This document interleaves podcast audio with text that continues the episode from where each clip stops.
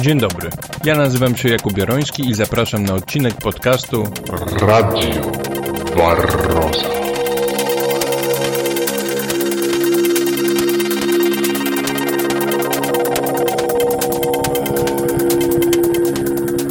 Dzisiaj goszczę Krzysztofa Smirnowa, pszczelarza hobbystę, websterystę, informatyka. Dzień dobry Krzysztofie. Dzień dobry.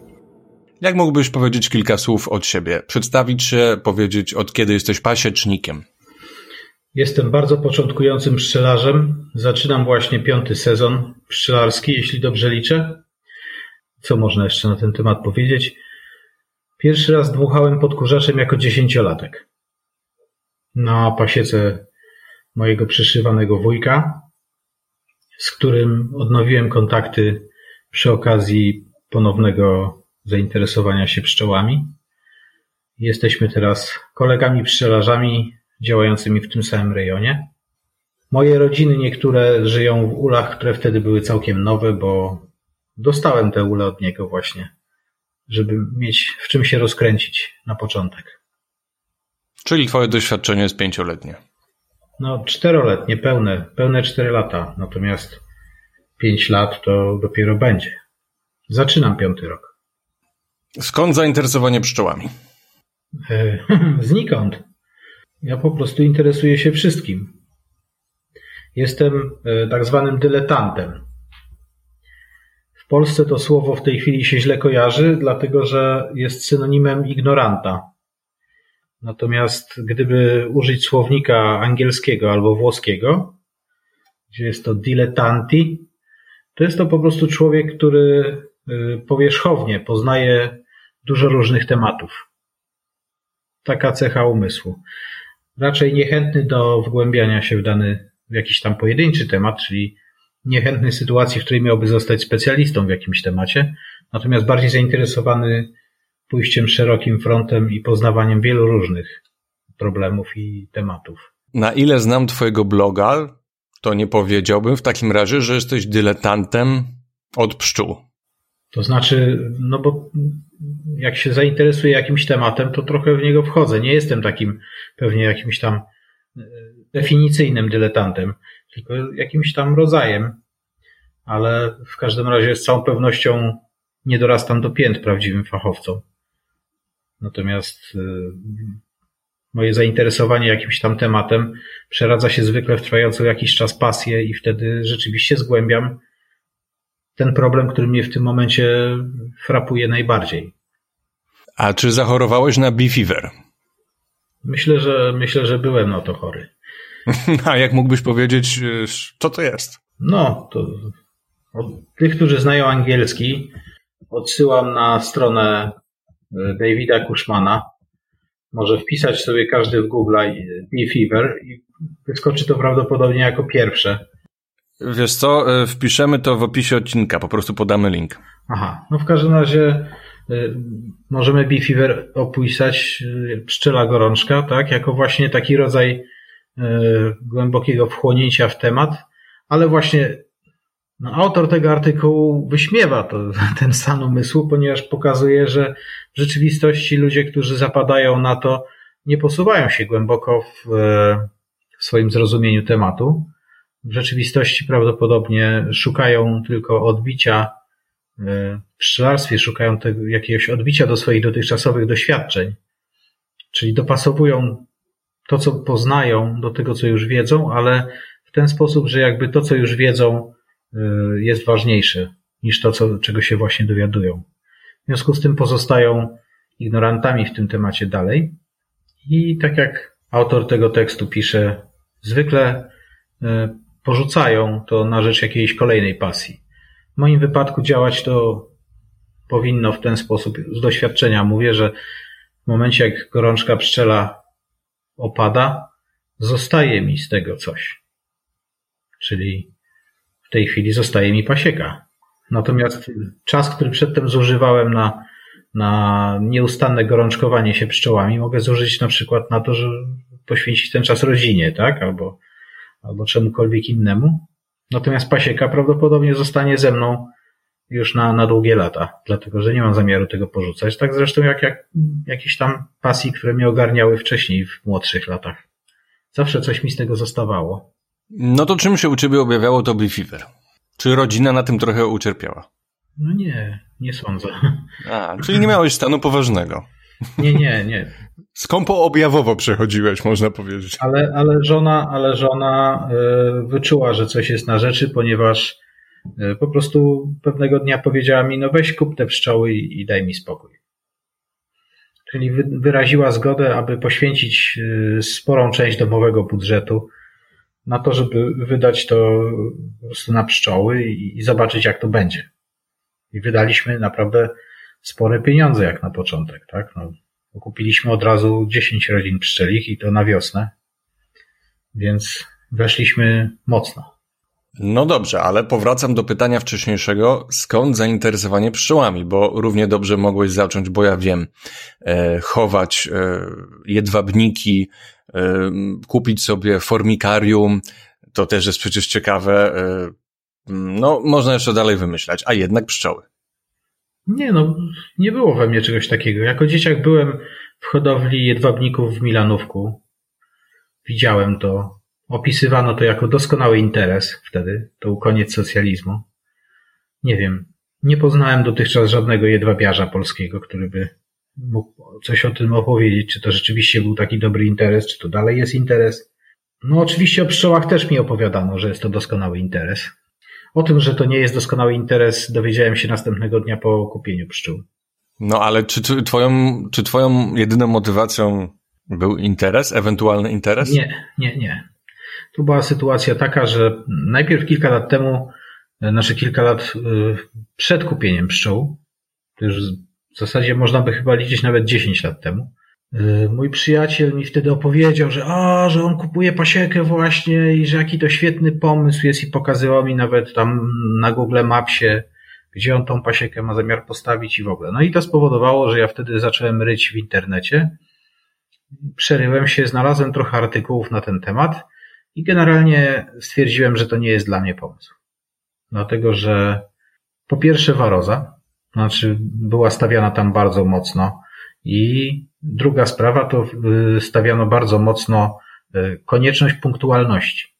To znaczy, że pszczelarz y, staje się w rzeczywistości niewolnikiem swoich pszczół, nie może zrezygnować, tak, tak stało w tych artykułach, tak, że pszczelarz nie może, nie ma prawa po prostu zrezygnować z wykonania pewnych prac w określonym ściśle czasie. I przedstawiano, gdyby spróbował coś takiego, co oczywiście było niewyobrażalne, to to jest nie tylko nieodpowiedzialne, to jest na skraju zbrodni coś takiego. Więc stwierdziłem, że ja nie chcę wchodzić w takie sztywne klimaty i wtedy w to nie wszedłem. Natomiast kilka lat później pojechaliśmy odwiedzić tego samego przyjaciela. On miał już pasiekę, była to zima, luty. Poszliśmy jakby no tak z ciekawości przez śniegi do tej pasieki. No i on mówi, żebym przyłożył ucho do ula, tak? No, przyłożyłem, usłyszałem ten szum i Dzisiaj podejrzewam, że być może był to jakiś rodzaj wirusa. Tak, dlatego, że którym się po prostu zaraziłem, bo wracając od niego już właśnie byłem ogarnięty pszczelą gorączką. Więc być może pszczelą gorączkę wywołuje jakiś tajemny, dotychczas nieznany wirus. No i w końcu udało mi się wydobyć ciebie, jak zainteresowałeś się pszczołami. No tak, ale racjonalności w tym nie ma za grosz. Ale jest hipoteza, że być może zaraziłeś się neurowirusem. No tak, to jest taka niepoparta naukowo hipoteza. Po prostu nie naukowa hipoteza, no. Chociaż właściwie dlaczego nie? Wydaje mi się, że może jest sprawdzalna, gdyby na jakoś mocno mieć odpowiednie narzędzia ku temu. No właśnie, chyba na razie jeszcze nie dysponujemy narzędziami, żeby wykryć tego wirusa. Bo o ile się orientuję, to mamy narzędzia, żeby wykryć coś, o czym wiemy. Tak? Natomiast e, na razie nie mamy jeszcze narzędzi pozwalających wykrywać coś, czy, o czym nie wiemy. No tak, tak. A czy pije do tego, że być może pszczoły mają, wydają jakiś dźwięk albo jakieś nawet częstotliwości, które nie są słyszalne dla ucha, ale nasz mózg odbiera, prawda? I tak jak. Mhm. Bo ja wiem na przykład w stanach transowych, w stanach szamańskich, tutaj ta częstotliwość powoduje, że część, na część ludzi tak to wpływa. Przeprogramowanie mózgu, tak? No może, no. Coś w tym stylu. No niby, niby nawet, nawet był polski naukowiec, tak? Który swego czasu interesował się tymi sprawami. Chociaż nie wiem, czy on był Polakiem, czy był Czechem. Stanisław Grof, tak? Mm, Czechem. Udawało mu się wywoływać stany epileptyczne i stany nie do odróżnienia od y, odlotu po LSD, tak? Przy pomocy tylko stroboskopu, kolorów i dźwięków.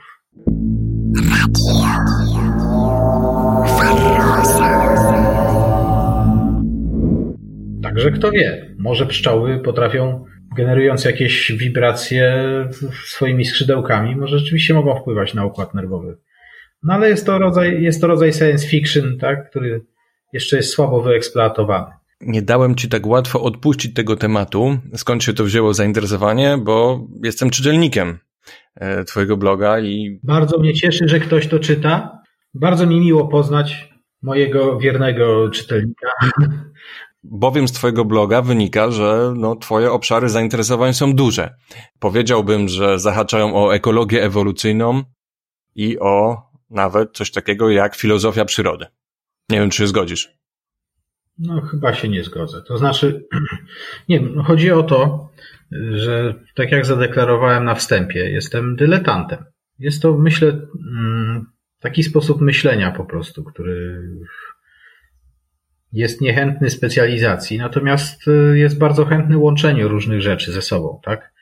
Więc pisząc bloga, pozwalam swobodnie swoim myślom płynąć, na przykład interesując się pszczołami, automatycznie interesuje się historią pszczelarstwa, tak? Y, taki jestem typ, także od razu zadaję sobie pytanie, jak to właściwie wyglądało kiedyś tam. Więc y, równie dobrze mogę sobie zadawać pytanie, właściwie na czym polega ten rodzaj związku, tak? jaki zaistniał między człowiekiem a pszczołami, dlatego że jest to związek specyficzny, niesłychanie stary. Starszy być może niż y, udomowienie y, zwierząt gospodarskich. Masz na myśli związek człowieka e, z Apis mellifera, tak? No w sumie nie tylko, to znaczy, bo to zależy jak tam to datować, no bo Indianie w Ameryce Południowej, właściwie środkowej głównie, trzymają te pszczoły bezrządłowe i jakby w materiałach e, archeologicznych po Majach, tak, tam znajduje się, że oni miód wykorzystywali. No a skąd mogli brać ten miód? Właśnie od tych pszczół bezrządłowych, tak? Melipona one się nazywają. Czyli, że albo odeszli z kontynentu, na którym już w swojej kulturze mieli współpracę z pszczołami i 2000 lat później znaleźli jakieś inne pszczoły i natychmiast uruchomili zapamiętane e, techniki, albo się ich od zera nauczyli w tym miejscu, ale tak czy owak z jakiegoś powodu e, ludzie poszukują owadów zbierających miód i z nimi współpracują. Znaczy z jakiego powodu to dobrze wiemy, tak? Ale potrafią to zrobić i nie tylko z pszczołą Apis mellifera, ale także z innymi.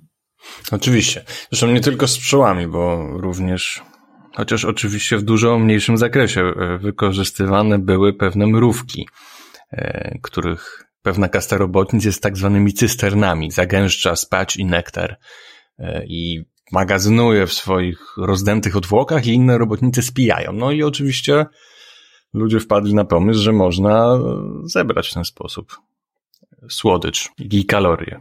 No tak, to dowodzi tego, jak bardzo ludzie byli głodni kiedyś. Tak, tak. Oczy... No jasne. Znaczy, apis mellifera stała się najbardziej popularna z tych wszystkich źródeł kalorii, prawdopodobnie dlatego, że jest najbardziej efektywna w tym, tak? Najłatwiej od niej odebrać większą ilość. Zgodzisz się?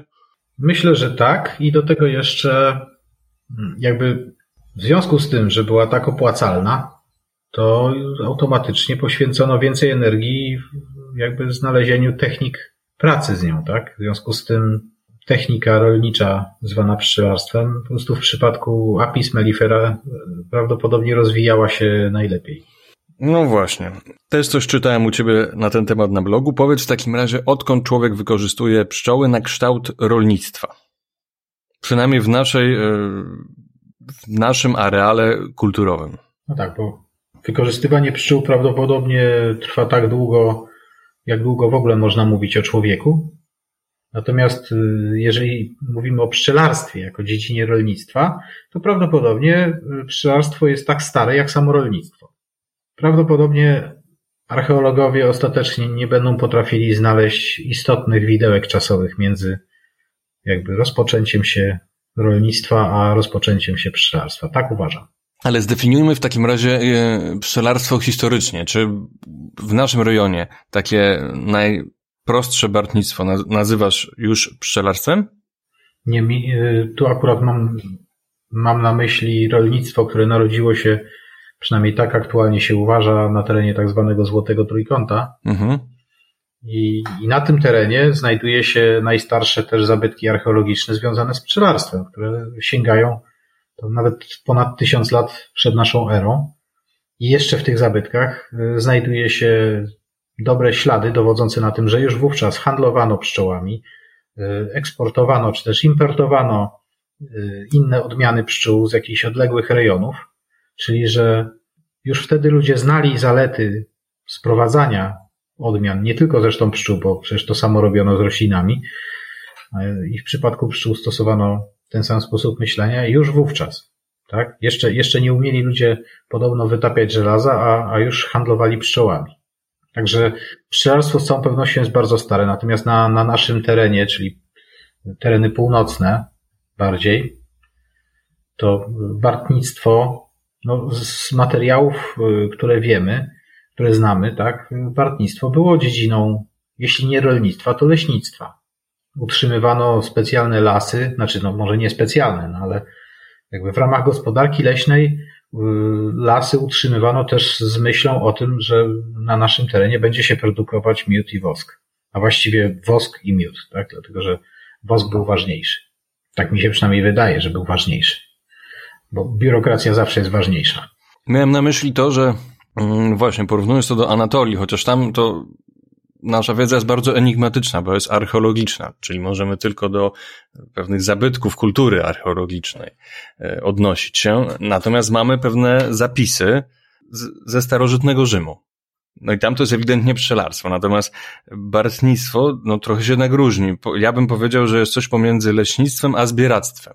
Bo jeżeli każda rodzina sobie spontanicznie zasiedla dziuple, ty tylko tworzysz siedliska i co jakiś czas idziesz jako bartnik pobierać to, no to jest to dopiero tak na pograniczu nawet chowu zwierząt, ja bym powiedział. Tylko rzecz w tym, że jest taki pisarz z końca XVIII wieku, pisarz, jeden z pierwszych badaczy pszczelarstwa właśnie i sam pszczelarz, to próbuję sobie jego nazwisko przypomnieć. Na imię miał Mikołaj. Witwicki? Otóż to. Mikołaj Witwicki. I oczywiście są tacy, którzy kwestionują to, co jest napisane w jego książkach, dlatego że podaje niektóre liczby, które podaje, brzmią bardzo nie, jakby nie mieszczą się w głowie. Tak? Ale jeżeli porówna się liczby, które on podaje e, z liczbami innego rodzaju, to zaczynają wyglądać jakby prawdopodobnie, przynajmniej niektóre z tych liczb ale on opisuje przecież e, bartnictwo terenu dzisiejszej Białorusi i wspomina o przepisach prawa dosyć starych, e, w których mowa o tym, że jest zakaz podkradania sobie pszczół, tak? Że jest zakaz zasiedlania, yy, znaczy wyciągania pszczół z naturalnych dziupli. Co to oznacza? A, jeszcze tam coś jeszcze wspomina nawet o tym właśnie, że Y, że potrafili hodować matki pszczele. Bo on coś tam, coś wspomina na temat, y, wypowiada się na temat tej tak zwanej rojebojnej techniki, czyli pszczelarstwo kuszkowe, w którym pszczoły się ostatecznie siarkuje i wydobywa z wymarłych kuszek miód.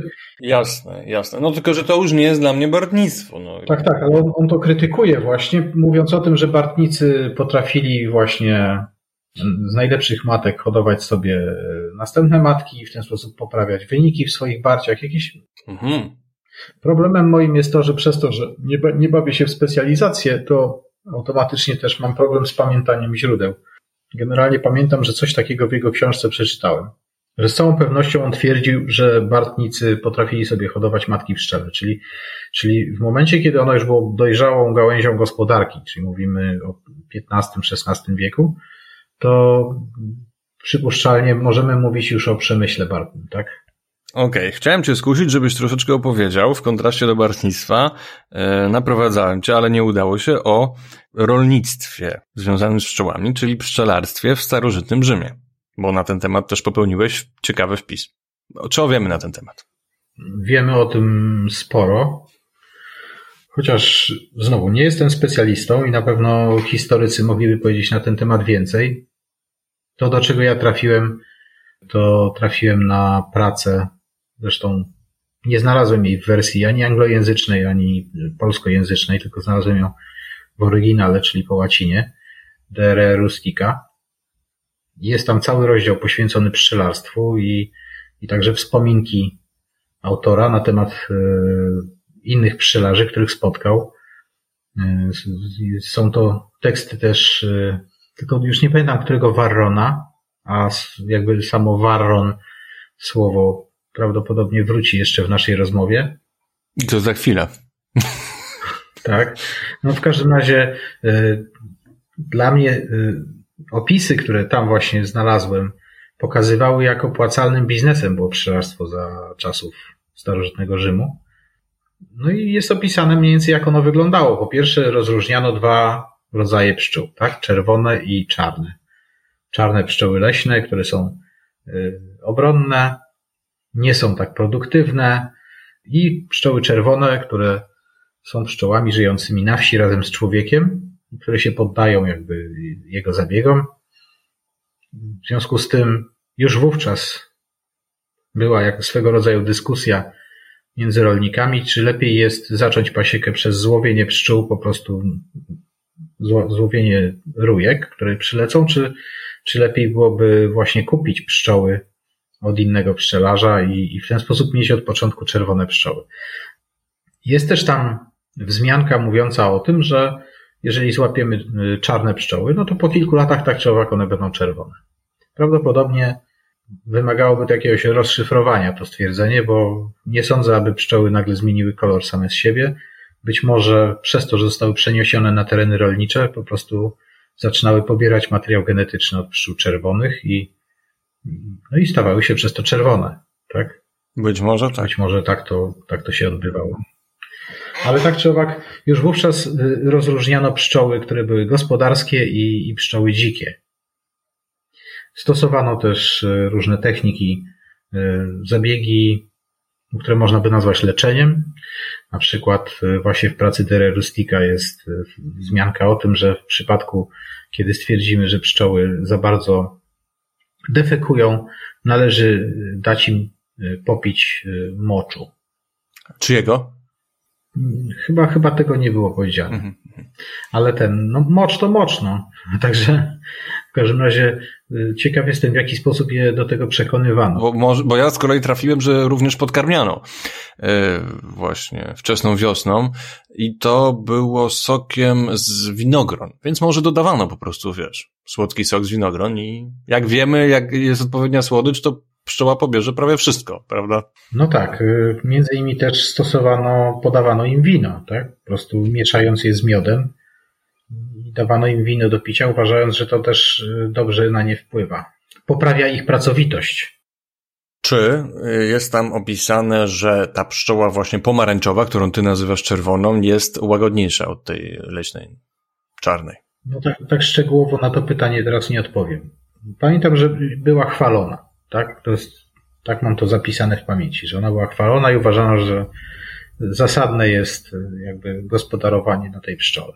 I tam to już była gospodarka, tak? Po prostu wymieniano ule, oczywiście specyficzne ule, tam, bo tam były takie gliniane ule mm, cylindryczne, tak? Znaczy, było kilka, było kilka rodzajów uli, tak? Bo Basen Morza Śródziemnego był światem sam dla siebie, więc y, prawdopodobnie kiedy następował właśnie jakiś handel pszczołami, no to one mm, były przywożone w naczyniach, które były popularne w rejonie, w którym dany hodowca mieszkał. Wiadomo y, nam o ulach cylindrycznych, właśnie, które do dzisiaj jeszcze występują licznie na terenach Arabii. Jemeńczycy produkują pieruńsko drogi miód właśnie z takich uli. Wiemy też o ulach greckich, tak zwanych ulach dzbanowych, które no, dzisiaj można by, żeby, żeby zreplikować taki ul, prawdopodobnie mądrze byłoby kupić taką dużą donicę, tak? Znaleźć do niej jakąś pokrywę i, i już mamy ul, tak? Wywiercimy wylotek i będziemy mieć ul. Grecy wynaleźli pierwsze snozy, prawdopodobnie, które układali licząc na to, że, że, że pszczoły właśnie będą podczepiać plastry do tych snus, ale nie, nie mieli jeszcze w intencji manipulowania tymi plastrami, przynajmniej nic nam o tym nie wiadomo. Natomiast służyło to do tego, żeby po prostu łatwiej te plastry z ula wydobywać. Co jeszcze? No były ule, były też ule w formie e, takich skrzynek, tylko wykonanych z, ze słomy i gliny, które lubiono też podwieszać na ścianach domów. Dlatego, że no generalnie, aha, no jeszcze dla mnie bardziej interesujące w tym zagadnieniu jest to, co na, na, na forum naszego stowarzyszenia dyskutowane było nieraz, to znaczy jak wiele pszczół można zgromadzić w jednym miejscu, tak? I nie powstrzymam się od opowieści o braciach Wyjaniuszach, którzy y, gospodarowali na działce, która w przeliczeniu na dzisiejsze miała, zdaje się, pół hektara.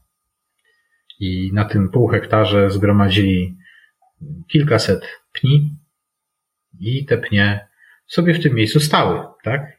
I oni z tego zarabiali pieniądze, które na ówczesne czasy oznaczały, że byli ludźmi zamożnymi. Nie byli bogaczami, tak jak wyobrażamy sobie rzymskich patrycjuszy, ale jakby byli tą bogatszą klasą średnią, tak? Stać ich było na niewolników i stać ich było na, na, na no nie, nie głodowali.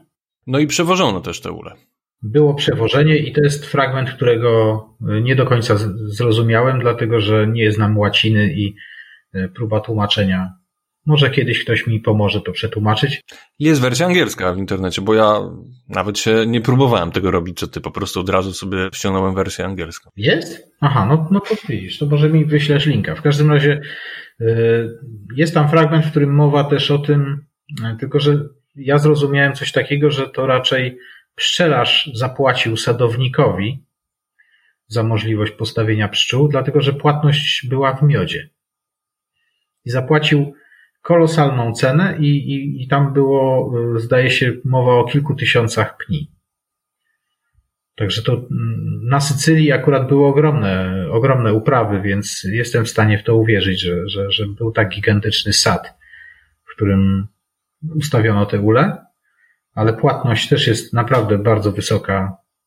Nie, nie, nie przypomnę sobie jaka konkretnie w tej chwili, ale pokazuje, pokazuje że, że pieniądze wtedy już w rolnictwie grały bardzo poważną rolę. Powiedz w takim razie, co to jest potężny niszczyciel? Bo od ciebie to pierwszy raz usłyszałem. No, potężny niszczyciel, czyli Varroa Destructor. No właśnie. Barroza na temat numer jeden polskich pszczelarzy, zresztą nie tylko polskich. Chyba prawie na całym świecie rozmawia się tyle samo co o pszczołach, co najmniej tyle rozmawia się o największym ich szkodniku, tak? Czyli. O ile nie więcej się rozmawia nawet. No tak mówię, co, co najmniej tyle co o pszczołach. Tak? Rozmawia się o Varroa destructor, czyli roztoczaku, który z jakiegoś powodu gryzie nasze pszczoły i z tego powodu rodziny pszczele umierają. Czyli potężnym niszczycielu w dosłownym tłumaczeniu. Tylko, że słowo potężny właśnie pochodzi od Warrona. Tak. Od nazwiska tego człowieka, który właśnie opisał. Tak. Waron, przy czym słowo warro, warro ma prawdopodobnie e, pochodzenie etruskie. Znaczy prawdopodobnie, to jest już chyba stwierdzone przez etymologów, że jest to słowo etruskie i oznacza potężny, właśnie silny, potężny. Więc jeżeli rodzina Waronów miała właśnie taki przydomek jak Waron, to to oznacza, że musieli, musiały to być rosłe chłopy, których należy się bać. Natomiast w przypadku Varroa, no nie wiem dlaczego, bo wydaje się, że Varroa jest tym podstawowym, jakby tą nazwą, tak? Całej jakiejś tam rodziny roztoczy, nie? No tak, zresztą na początku była kontrowersja, czy to jest nawet jeden gatunek, czy dwa i była też taka nazwa Varroa Jakobi, Jakobi, Jakobsoni. Jakobsoni. Jakobsoni. Varroa Jakobsoni. No tak, ale właśnie to chodzi, że ten Varroa tutaj pojawiło się to Varroa i je, jeszcze, jeszcze się nie dowiedziałem, dlaczego ten Jakobson postanowił tak nazwać to roztocze Varroa. No właśnie, myślałem, że może wiesz, nie? Skąd to Nie, jeszcze się tym nie zainteresowałem. Wiesz, może dlatego, że jest po prostu potężna, no.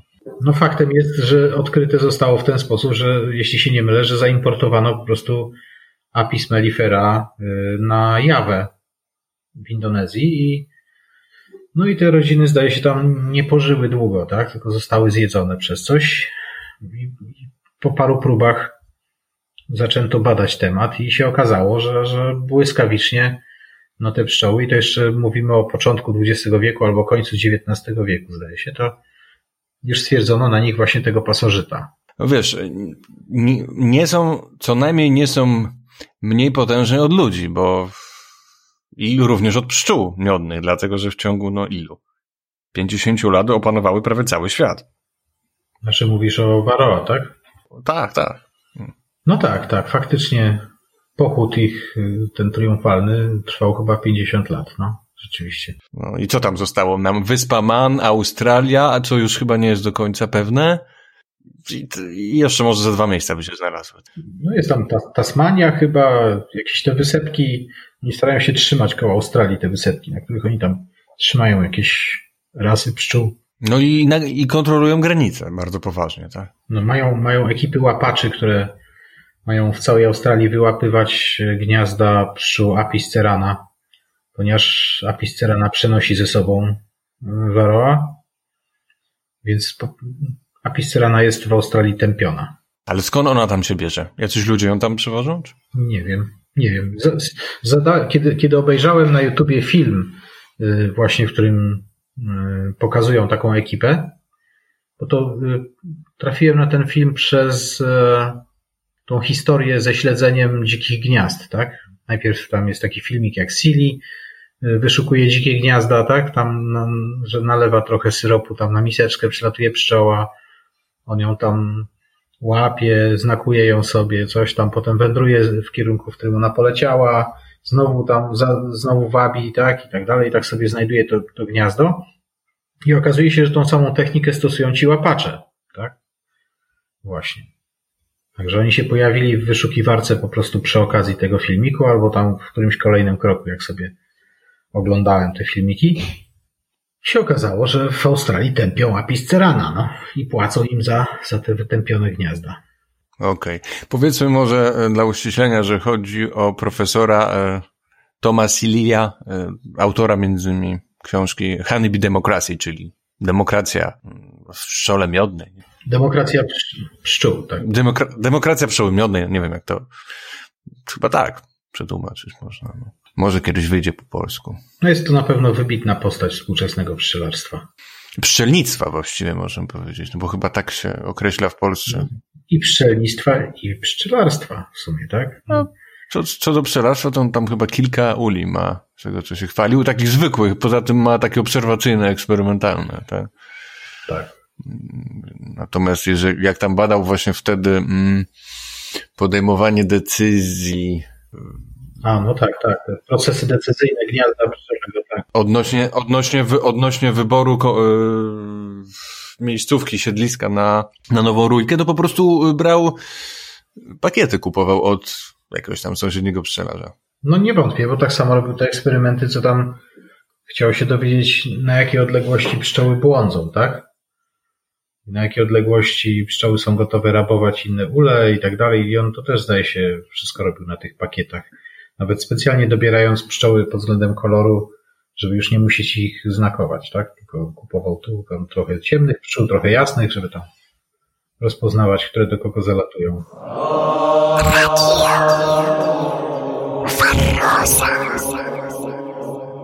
Powiedz Krzysztofie, czym różni się pszczelarstwo copyright od pszczelarstwa open source?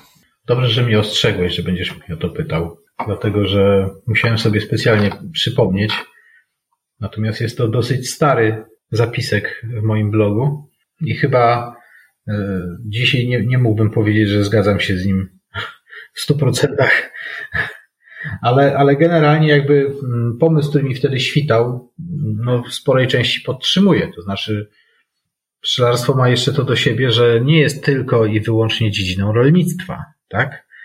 Akurat żyjemy w Polsce, czyli w takim kraju, w którym nawet mógłbym powiedzieć, że pszczelarstwo co najwyżej aspiruje do bycia rolnictwem. Bo oczywiście w Stanach Zjednoczonych na przykład pszczelarstwo jest raczej dziedziną rolnictwa, bo znacznie więcej pni pszczelich pozostaje własnością przedsiębiorców y, pszczelarskich, czyli po prostu rolników, y, którzy są pszczelarzami.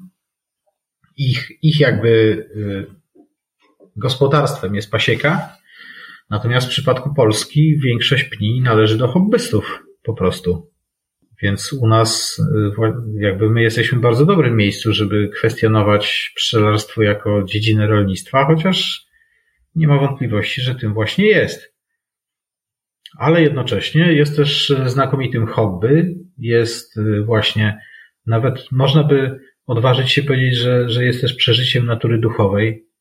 Ma wiele oblicz pszczelarstwo, tak? Jeżeli tylko chcemy się y, jakby pochylić nad tym, może się okazać, że, że z pszczelarstwa można wyciągać bardzo różne doświadczenia. I to podejście open source właśnie jakby to miałem w intencji, tak? To znaczy, Możemy podejść do sprawy czysto produkcyjnie, na taki nowoczesny sposób, kapitalistyczny.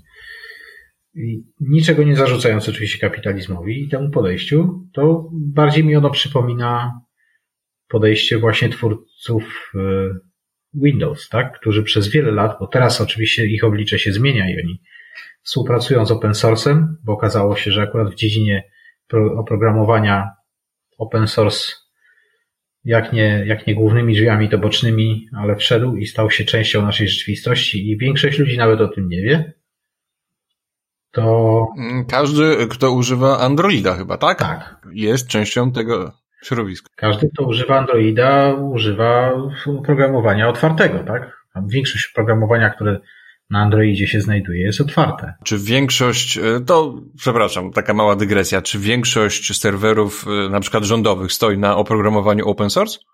Rządowych to nie wiem, ale, ale w ogóle większość serwerów stoi na oprogramowaniu open source. Jest coś takiego, że w tej chwili Microsoft stara się odzyskać, i nie tylko Microsoft, bo oczywiście zamknięte oprogramowanie nie jest tylko autorstwo Microsoftu, ale e, firmy, które produkują tak zwane proprietary software, to starają się odzyskać to pole i oczywiście mają rację, powinny to robić. I nawet e, coś nie coś im się udaje, tak? Ale w tej chwili jest sytuacja taka na rynku, że e, nie mogą już sobie rezerwować tak łatwo e, rozwiązań, że powiedzą, no to, to oprogramowanie będzie działało tylko na naszym serwerze i w związku z tym musicie zapłacić za oprogramowanie i za serwer i jeszcze za coś tam. Tylko jakby już klienci domagają się tego, aby skoro kupili oprogramowanie, to że ono ma działać i na tym, i na tym, i na tamtym, tak? Także ta sytuacja staje się coraz bardziej otwarta i to, tak mniej więcej od 10 lat sytuacja jest już e, akceptowalna. Ale wracając do pszczelarstwa, to właśnie takie podejście open source, to bardziej mi chodziło właśnie o atmosferę, która panowała te kilkanaście lat temu jeszcze, szczególnie nawet i dwadzieścia lat temu w świecie e, oprogramowania, że rzeczywiście panowała duża otwartość, tak? E, jakby użytkownik otwartego oprogramowania miał przed sobą jakby mm, dwie sprawy. E, jedna była trudna, a druga była łatwa. Trudne to było to, że środowisko wymagało od niego, że musi być samodzielny, musi być pomysłowy, e, sam się musi uczyć, nie bać się tego. Natomiast e, to, co było bardzo wygodne i łatwe, to było to, że w momencie, kiedy nie ma pomysłu, co dalej zrobić, trafia na problem, którego nie potrafi rozwiązać, może z łatwością to pytanie zadać i na pewno znajdzie się ktoś, kto mu pomoże i nie będzie żądał od niego nic za tą pomoc. E, I to było właśnie środowisko open source, gdzie po prostu no, wspaniale było się rozwijać, dlatego że wszystkie, wszystkie helpy, wszystkie instrukcje, wszystko było po prostu w necie umieszczone. Jeżeli chciałeś czytać, to po prostu czytałeś to i uczyłeś się. Stawałeś się specjalistą w tej dziedzinie nie płacąc za to ani grosza, żadne, żadnemu, za żadne kursy, za po prostu. Mogłeś oczywiście sobie kupić kurs, bo były oferty kursów i one były bardzo popularne. Dlatego, że jak człowiek wchodził w rynek, to potrzebował na przykład certyfikat czy coś umie. No i wtedy płacił. Natomiast jeżeli tylko chciał to po prostu umieć, to miał tą całą wiedzę za darmo. I nie tylko na poziomie wiedzy, bo działo się to też na poziomie kodu programistycznego, tak? Że człowiek mógł dostać pomoc w sztuce programowania i dostawał pomoc w formie gotowego kodu i, i całych programów. Tak, wszystko w zasadzie jak ktoś był pomysłowy, to mógł swój komputer oprogramować, nie płacąc za to ani grosza. No i ja akurat czułem się zobowiązany, w związku z tym starałem się też społeczności coś oddać, a cała idea na tym się właśnie opierała, że żeby każdy mógł dać od siebie co może.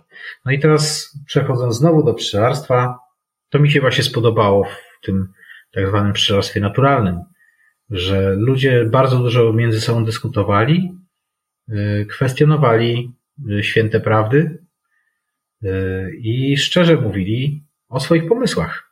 Natomiast jakby przeciwnicy tego podejścia mówili, że jest tylko jedna dobra droga, jest tylko jedna słuszna droga i jeżeli będziesz używał innego ula, to będziesz tego bardzo żałował. I jest tylko jedna metoda w, jaki, w jaką się przelicza sukces w pszczelarstwie, to znaczy kilogramy miodu. To jest y, tylko jedyny przelicznik, który się liczy. Y, I, I to mi nie odpowiadało takie podejście, tak? To znaczy, niby dlaczego ja mam się stosować do takiego podejścia, jeżeli ja na temat pszczelarstwa nic nie umiem, tak? Wiem tylko to, co przeczytałem, a okazuje się, że ci pszczelarze, ci rzekomi fachowcy bardzo często wiedzą tylko to, co sami umieją. To znaczy, no, dzisiaj, dzisiaj mogę powiedzieć, że zaraz, zaraz złagodzę to, co teraz mówię, ale większość pszczelarzy tak naprawdę umie jedną metodę pszczelarską jakąś, którą e, albo się od kogoś nauczyli, albo się sami jej dopracowali, ale raczej w życiu nie eksperymentowała, tak? Większość pszczelarzy. Taka jest moja obserwacja. Więc ich wiedza jest bardzo głęboka na polu, które sami stosują. Natomiast y, jeżeli zapytać się ich o coś, z czym się nie zetknęli, no to mamy dwie możliwości. Albo będą się na siłę starali odpowiedzieć i ich odpowiedź będzie błędna, albo uczciwie powiedzą, że, że nie wiedzą. No moje doświadczenie jest takie, że, że częściej wybierają tą drugą opcję, co jest dobre, bo człowiek nie popada w błąd, ale faktem jest tak też, że zadaje pytanie i nie dostaje na nie odpowiedzi. No i żeby złagodzić to podejście, aha, a przechodząc do świata open source, jest coś takiego, że, że właśnie w tym świecie pszczelarskiego open source'u zachęca się ludzi do eksperymentowania. Mówi się, kilogramy miodu nie są najważniejsze, y, najważniejszy jest fan. Tak? Najważniejsze jest to, żebyśmy się dobrze bawili, żebyśmy rozwijali swoją pasję tak jak chcemy. W związku z tym każdy aspekt pszczelarstwa jest ważny. Każdy aspekt zasługuje na to, żeby go przedyskutować od spraw, które wydają się sensowne, po sprawy, które wydają się absurdalne, tak? Na przykład pytanie, z jakiego drewna należy robić ramki, tak? Także jeżeli komuś się wydaje to istotne, to proszę bardzo, eksperymentuj i przyjdź do nas z powrotem, powiedz, że z Twoich obserwacji jasno wynika, że lipa jest lepsza niż dąb na przykład, tak? Że pszczoły chętniej budują plastry podwieszone na, na, na lipowej ramce niż, niż, niż na dębowej. Proszę bardzo. Tak? Jakby moim zdaniem w tym jakby pszczelarstwie open source jest to całkowicie uzasadnione, tak? Nie, jakby nie ma się co śmiać z tego człowieka, bo kto wie, bo może on ma rację. Prawdopodobnie nie ma, no ale to liczy się fan, tak? Fan, jakby ten, kto się dobrze bawi, ten ma rację, tak? I, I to mi się w tym najbardziej podobało, bo to było całkowicie też, zwróć uwagę na początek tej historii, tak? To znaczy, że gdzieś tam kiedyś tam przeczytałem o tym właśnie, że pszczelarstwo tak naprawdę jest ciężką pracą i niewolą, tak? Gdzie my musimy tym pszczołom tam przychodzi marzec, to tam musimy im podrzucić żarcia, a potem musimy koniecznie zrobić wiosenny przegląd, bo jak nie zrobimy, to nie wiadomo co. Nie, to nie wiem, mleko skwaśnieje krową w wymionach, tak? I jakby bardzo mi się spodobało, dlatego, na przykład bardzo mi się podobało to y, teksty tego Michaela Busha amerykańskiego, tak? To po prostu pisał, że leniwe pszczelarstwo, tak? Nie chcesz, co dla mnie leniwe pszczelarstwo oznacza nie chcesz, to nie rób, no. Nie? nie chwal, przecież skoro nie chodzi o to, że mam się chwalić wynikami miodowymi, no to skoro zebrałem mniej miodu, bo mi się nie chciało wykonać jakiegoś tam prawda, zabiegu, który spowodował, że miałbym więcej miodu, to nie jest to żadna hańba, nie? Po prostu robię co chcę, tak? Jestem człowiekiem wolnym, to są moje pszczoły, nie? I to podejście bardziej mi odpowiadało, znacznie bardziej. I to w tym sensie strasznie długo ta historia o tym open source, nie? Tutaj trwa. Nie, bo to jest ciekawe. Wiesz, myślę, wydaje, że co do miodu, to nie będzie to specjalne dla naszych słuchaczy kontrowersyjne. Większą kontrowersją jest to, że, je, e, że jeżeli twoje zaniechanie mniej lub bardziej celowe opieki nad pszczołami spowodowało, że one padły, nie? To, to, to, to. Najpierw trzeba to udowodnić. Ja wiem, tylko że to jest bardzo kontrowersyjny temat, bo podejrzewam, że jak nawet na różnych forach i grupach byś powiedział o tym miodzie, no to większość powiedział, okej, okay, jesteś tam hobbystem, amatorem, w porządku. No, choć oczywiście wielu hobbystów chce dogonić zawodowców, to prawda. Natomiast to bardziej kontrowersyjne by byłoby, jeżeli nie zaglądałeś, nie zrobiłeś tego przeglądu wiosennego i to mogło się przyczynić do tego, że nagle tych pszczół już nie ma, przynajmniej z nami, a jeśli są, to być może w krainie wiecznych pożytków. No, tu myślę, że tu byłby dobry moment, żeby przedyskutować, wgłębić się w pewne szczegóły, tak? To znaczy, yy, od razu zadać pytanie, tak, skoro mówimy, akurat użyliśmy przykładu wiosennego przeglądu, no rzeczywiście wiosenny przegląd jest momentem, w którym można w cudzysłowie uratować pewne pszczoły, tak? Ale w rzeczywistości co to znaczy, tak? To znaczy w większości wypadków tak naprawdę nie, nie oznacza to ratowania pszczół, tylko po prostu ratowanie majątku pszczelarza, tak? To jest zabieg czysto agrotechniczny, tak? To znaczy, jeżeli stwierdzasz, że masz dwie słabe rodziny, to je ze sobą łączysz, żeby uzyskać chociażby średnią rodzinę, to się będzie szybciej rozwijać przez to, i będziesz miał przez to lepsze wyniki, bo ta średnia rodzina ma większe szanse, że coś ci da, niż, niż dwie te słabe, tak? I to nie jest żadne ratowanie pszczół, bo, prze, bo przepraszam, jakie ty pszczoły ratujesz, tak? Te pszczoły, które w marcu oglądasz w ulu, zaraz ich nie będzie, bo to są pszczoły zimowe, których zadaniem jest wyprowadzić rodzinę z tej zimy i umrzeć. Także nie, jakby y, ja nie chcę wchodzić w y, tematykę etyczną, bo ona jest bardzo śliska, kiedy... No i trochę filozoficzne, bo też tutaj musimy wkroczyć, czy ratujemy, wiesz, poszczególne osobniki, czy rodzinę pszczelą. No, otóż to, ale tu w tym wypadku, kiedy wykonujesz łączenie, tak, to nie robisz ani jednego, ani drugiego tak naprawdę. No to nie, ale jeżeli, bo ja miałem teraz taki przypadek i za późno zareagowałem o 2-3 dni. Za późno zajrzałem, bo wcześniej był mróz, wiesz, no nie chciałem im otwierać daszka, nie chciałem rozić, y, bo to już był jak powiedzmy jakiś luty i wiedziałem, że one tam najprawdopodobniej już, najprawdopodobniej już czerwią, no więc nie jest zalecane, tak? Na, na minus, na, w temperaturze minus jeden stopień od, otwierać ul od, od góry i jednocześnie zajrzeć przynajmniej do dwóch, trzech ramek, żeby zobaczyć, czy mają pokarm. No i o, poczekałem, aż będzie cieplej i niestety piękna rodzina, nie wyglądająca na chorą, z bardzo małym osypem, zamarła z głodu. No i teraz, e, jeżeli nie wykonuje żadnego łączenia, a tylko podaje im ciasto lub ramkę z innej rodziny, lub ram, ramkę zachowaną z pokarmem, no to tutaj można powiedzieć, że ratuje rodzinę pszczelą, tak? Tak. Nie, nie, nie, nie, nie dyskutuję z tym. w tym sensie tak. Jakby no, nie wiem, czy mamy się zamiar wgłębiać w to dalej. Nie, nie, nie, tylko powiedziałem, po, po prostu podałem przykład, że yy, z nieściganiem się w rekordach produkcji miodu, to y, pod tym względem metoda open source jest mniej kontrowersyjna niż na przykład y, niezadbaniem o to, że jakieś pszczoły być może z tego powodu padną. Mówię być może, bo tak jak powiedziałeś, nie zawsze się da do tego dojść. No. Jest całe spektrum postaw. Tak, w tym sensie, że powiedzmy, że w, w miejscu, y, gdzie mamy closed source, tak, tam w zasadzie y, wszystko jest jasne. Przeliczamy sukces y, z kilogramów miodu, więc cokolwiek robimy, żeby tych kilogramów mieć więcej, jest słuszne. Natomiast co robimy lub nie rob, lub zaniechamy czynności, aby, znaczy co, co skutkuje gorszymi wynikami, jest niesłuszne. Natomiast y, jakby po drugiej stronie, w świecie open source, w zasadzie mówimy o tym, co nas nie interesuje, tak? Bo mówimy, że wynik materialny tak, ma dla nas mniejsze znaczenie niż sam fan. Tak? Czyli dopóki jest fan, to wszystko jest ok i wszystko jest słuszne. I w tym momencie, kiedy mówimy o ratowaniu pszczół, zawsze wkraczamy na ten śliski grunt y, etyki, tak? Po prostu i ten, ten grunt jest moim zdaniem bardzo śliski. Bardzo śliski. Ale może o nim sobie powiemy za tam dwa, trzy pytania w przód. Może.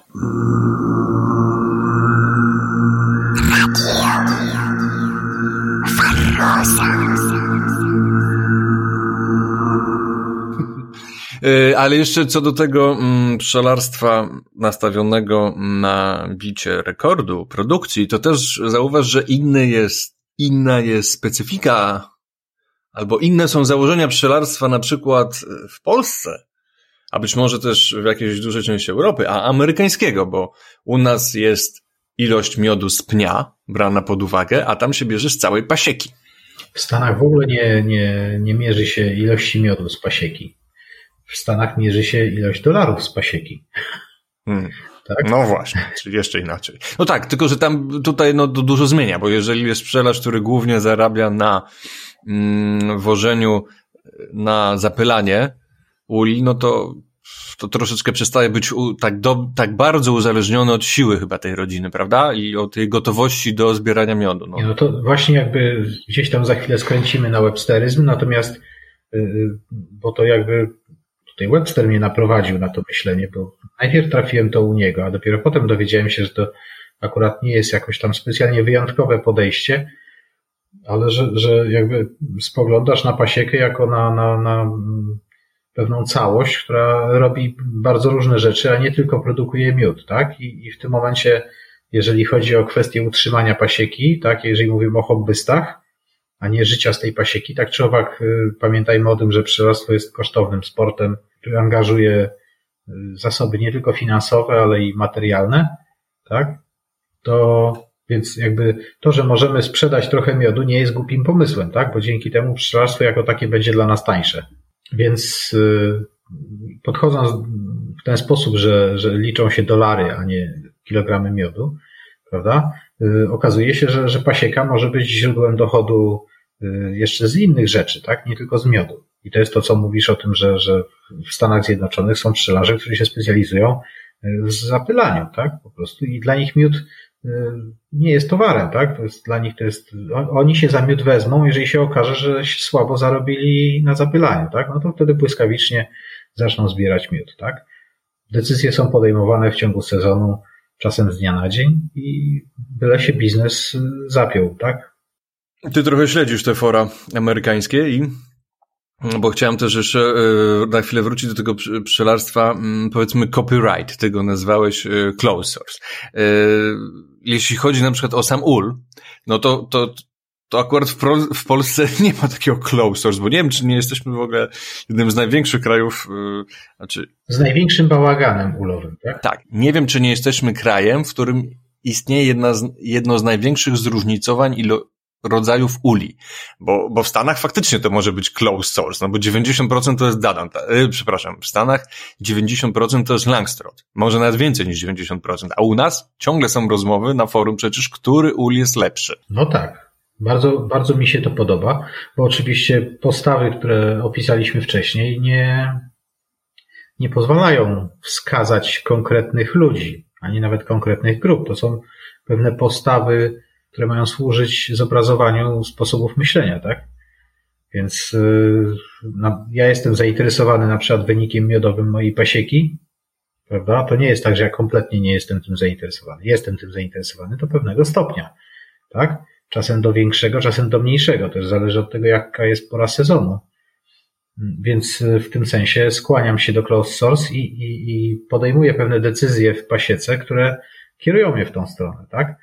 A z drugiej strony mamy pszczelarzy w Polsce właśnie, ponieważ oni nie są zawodowcami, tylko dla nich ten aspekt pasjonacki nie pozostaje bez znaczenia. W związku z tym oni pozwalają sobie na to, że, że żyjemy w kraju, w którym panuje największa różnorodność względem typów uli oraz ramek, tak, i typów uli nie tylko w zakresie właśnie rozmiarowym, ale także materiałów, z których są wykonane, tak? Oraz Izolacji. Braku izolacji, y, z izolacją średnią, bardzo grubą. Częściową izolacją. Y, z denicą osiadkowaną lub denicą pełną. Czy, czy na forach Amery... lub pośrednią. Czy na forach y, pszczelarskich amerykańskich masz kłótnie denica pełna lub osiadkowana, czy nie? Kłótnie nie. Ale, ale kilka razy trafiłem na dyskusję na ten temat. Wygląda na to, że, że dla wielu z nich dennica osiadkowana jest pewną nowością. Wydaje się, że zawodowcy lekceważą temat, to znaczy y, raczej uważają to za jakieś w ogóle zawracanie głowy, ale to też nie jest do końca prawda, bo Stany Zjednoczone y, i Kanada razem wzięte są gigantycznym obszarem i, i trudno mówić o, o tym, żeby pszczelarz y, gospodarujący w Manitobie miał na ten temat te same poglądy, co pszczelarz gospodarujący na Florydzie. Także ewidentnie pszczelarze gospodarujący na południu, czy też ich biznesy, jeżeli są bardziej na południe skierowane, to, to są bardziej otwarci na pomysł ośrodkowanej dennicy. Natomiast ci, co siedzą na dalekiej północy, to dla nich jest to kompletna bzdura. Także, ale jakby temat tam zaistniał, tak. Dyskutowano tą kwestię i, i tak jak mówię, oni są bardziej sceptyczni do tego nastawienia. Nie, nie, nie ma tam takiego entuzjazmu, że to jest świetny pomysł, nie? Zresztą chyba też jest taki pragmatyzm, że jeżeli są zawodowcami, to w jaki sposób miałoby ich przekonać to, że jakie są dziury w podłodze, to że, że Waroa wyleci przez te dziury i nie wróci do ula, nie? No, bądźmy poważni, nie? Nie no, tam też są argumenty takie, że łatwiej badać wtedy osy, być, sprzyja to wykonywaniu zabiegów leczniczych, no tylko, że oni no, mają trochę inny charakter pszczelarzenia, więc y, ponieważ interesują się całą pasieką, to po prostu lecą jak, y, traktują to jak fabrykę. Lecą automatycznie. Tak? No tak, tak. Tam liczy się, liczy się, ile osobogodzin musieli poświęcić na każdy ul, tak? Ponieważ osobogodziny kosztują. Po prostu, jeżeli biznes się zapina, to jest wszystko w porządku. Nie ma powodu, jakby, mm, teksty przedwojenne z dwudziestolecia międzywojennego pokazują, że, że w polskim pszczelarstwie panował taki ruch takim jednym z tych liderów tego ruchu był y, pszczelarz o nazwisku Weber, który y, starał się od amerykańskich pszczelarzy uczyć. Uważano ich za właśnie pszczelarzy nowoczesnych, a u nas panuje pszczelarstwo zacofane. Y, no i chyba mieli dużo racji ci, co jakby tak uważali, że, że pszczelarstwo amerykańskie, tylko że pszczelarstwo amerykańskie było zaprojektowane właśnie pod biznes. Natomiast na terenach Polski pszczelarstwo zawsze było, jeżeli, bo jeżeli mówimy o hobby, to hobby jest dziś. Natomiast y, jeszcze 100 lat temu po prostu było dodatkiem do gospodarstwa rolnego, tak? To znaczy prawie każdy rolnik miał jakieś ule koło siebie, tak? Czy trochę tak jak, jak teraz ktoś ma mm, po prostu trochę kur, żeby mieć własne jajka? Coś takiego, tak? Przy czym mm, nie do końca było to spontaniczne. Chłop jest konserwatywny, tak? I Znalazłem taki tekst na temat dóbr potockich na Ukrainie, że to właśnie któryś tam Potocki na przykład y, nakazał wszystkim swoim poddanym chłopom, że mają posadzić sady i że, że każdy z nich ma założyć pasiekę. Tak? Wyobraź sobie, na Ukrainie, tak? W tej chwili potentatem pszczelarskim, tak? To, to jest y, jakby kraj, od którego wszyscy mogliby się uczyć, jak się robi pszczelarstwo. I tam trzeba było chłopów przekonywać do tego, żeby mieli pasieki, tak? Trzeba było im to nakazać. Zatem to nie było tak, e, że, że po prostu mieli te pszczoły, bo mieli, nie? Tylko to też się wszystko wydarzało jakąś tam decyzją biznesową, tak? Ale na pewno nie było to hobby, tylko po prostu pomysł był taki, że skoro mam 10 tysięcy dusz chłopskich, to jak każdy z nich będzie miał 10 kłód, to razem mam jeśli dobrze liczę, już 100 tysięcy kłód, tak? No tak, ale tutaj trzeba dodać, że był w tym ewidentny interes, bo ten, który nakazywał, pobier pobierał podatek w formie materialnej od nich z tego, tak? Tak jest. No i wychodziło mu, że będzie miał ileś tam centnarów wosku, ileś tam, ileś tam pudów miodu, tak? I, i, I to będzie doskonały interes. A przyroda, akurat w przyrodzie to było w to graj, tak? Także to był jakby ręka rękę myła.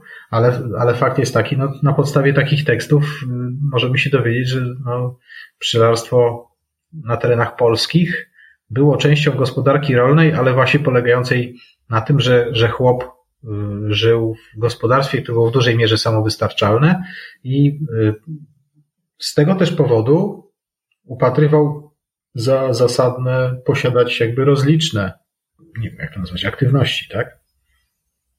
Czyli to, że kiedyś się nauczyli właśnie, że przy każdym gospodarstwie jest sad, to się przeniosło i w całej, jakby w prawie całej Polsce, tak, rolnicy mieli pod domem jakiś tam sad. I w tym sadzie sobie stały ule, tak? W różnym to było zagęszczeniu, ale jakby w skali całego kraju w zasadzie wszędzie te ule były i, i to wystarczyło na to tylko 200 lat, żeby się coś takiego wydarzyło, tak? Także u nas, u nas to miało zupełnie inny wygląd niż w Stanach Zjednoczonych, gdzie, gdzie od początku była to dziedzina biznesu, tak? Przywieziono te pszczoły, one. Właśnie, bo tutaj trzeba też zaznaczyć, że przecież Apis mellifera jest gatunkiem, który wcześniej nie występował tam. Znaczy, no, tak, na, na, poziomie tym nie występował. Został przywieziony i w XVII wieku przywieziono kuszki z pszczołami, z tą tak zwaną, oni nazywają Black German, czyli Apis mellifera mellifera, tak, któryś tam, jakiegoś tam ekotypu, tak, niemieckiego, czy prawdopodobnie z tych obszarów w okolicach Hamburga, tak, przypuszczalnie.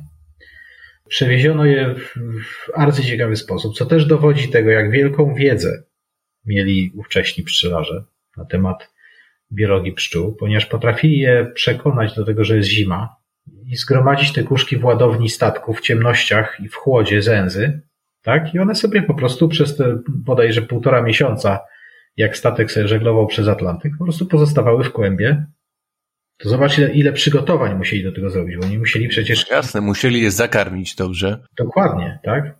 No i potem jak tylko je wynieśli, no to te pszczoły bach i się im wyroiły, tak?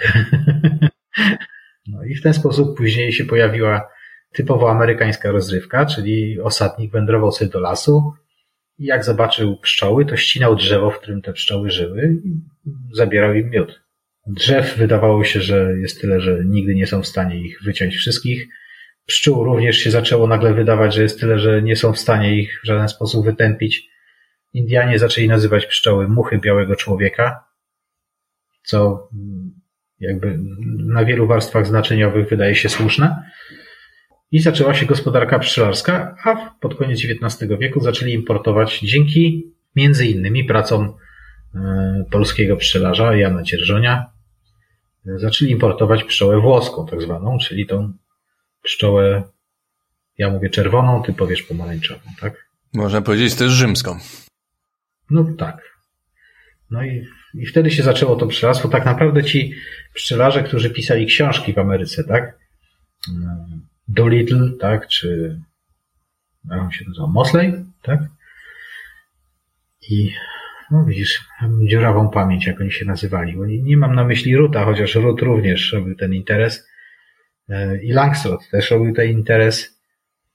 Ale jeszcze jedno nazwisko mi chodzi po głowie. Bardzo lubiłem tego faceta. On, jego nazwisko jest znane z podkarmiaczką. No nic, najwyżej poddamy później w, w opisie. Oni wszyscy tak naprawdę stali się znani, i Dadant też zresztą, stali się znani w pszczelarstwie amerykańskim, dlatego że właśnie rozpropagowali używanie pszczoły włoskiej. Tak? To oni właśnie zaczęli ją propagować tak? wobec sceptycznych, no bo farmer amerykański jest również konserwatywny, więc ci ludzie po prostu zaczęli aktywnie propagować używanie pszczoły włoskiej, przekonywać farmerów, że lepszy interes zrobią y, kupując u nich matki pszczele, niż, y, niż opierając się o tą czarną, złośliwą pszczołę, z którą muszą się męczyć. I tak to się wszystko tam u nich zaczęło. Ten biznes pszczelarski nowoczesny. No to ładnie nam się temat rozwinął.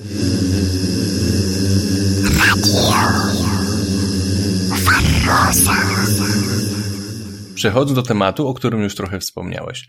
Nazywasz siebie websterystą. Kto to w ogóle jest? O co w tym chodzi? Websterysta to jest ten, kto przetłumaczył teksty Webstera na polski. Aha. Myślałem, że jest coś w tym głębszego.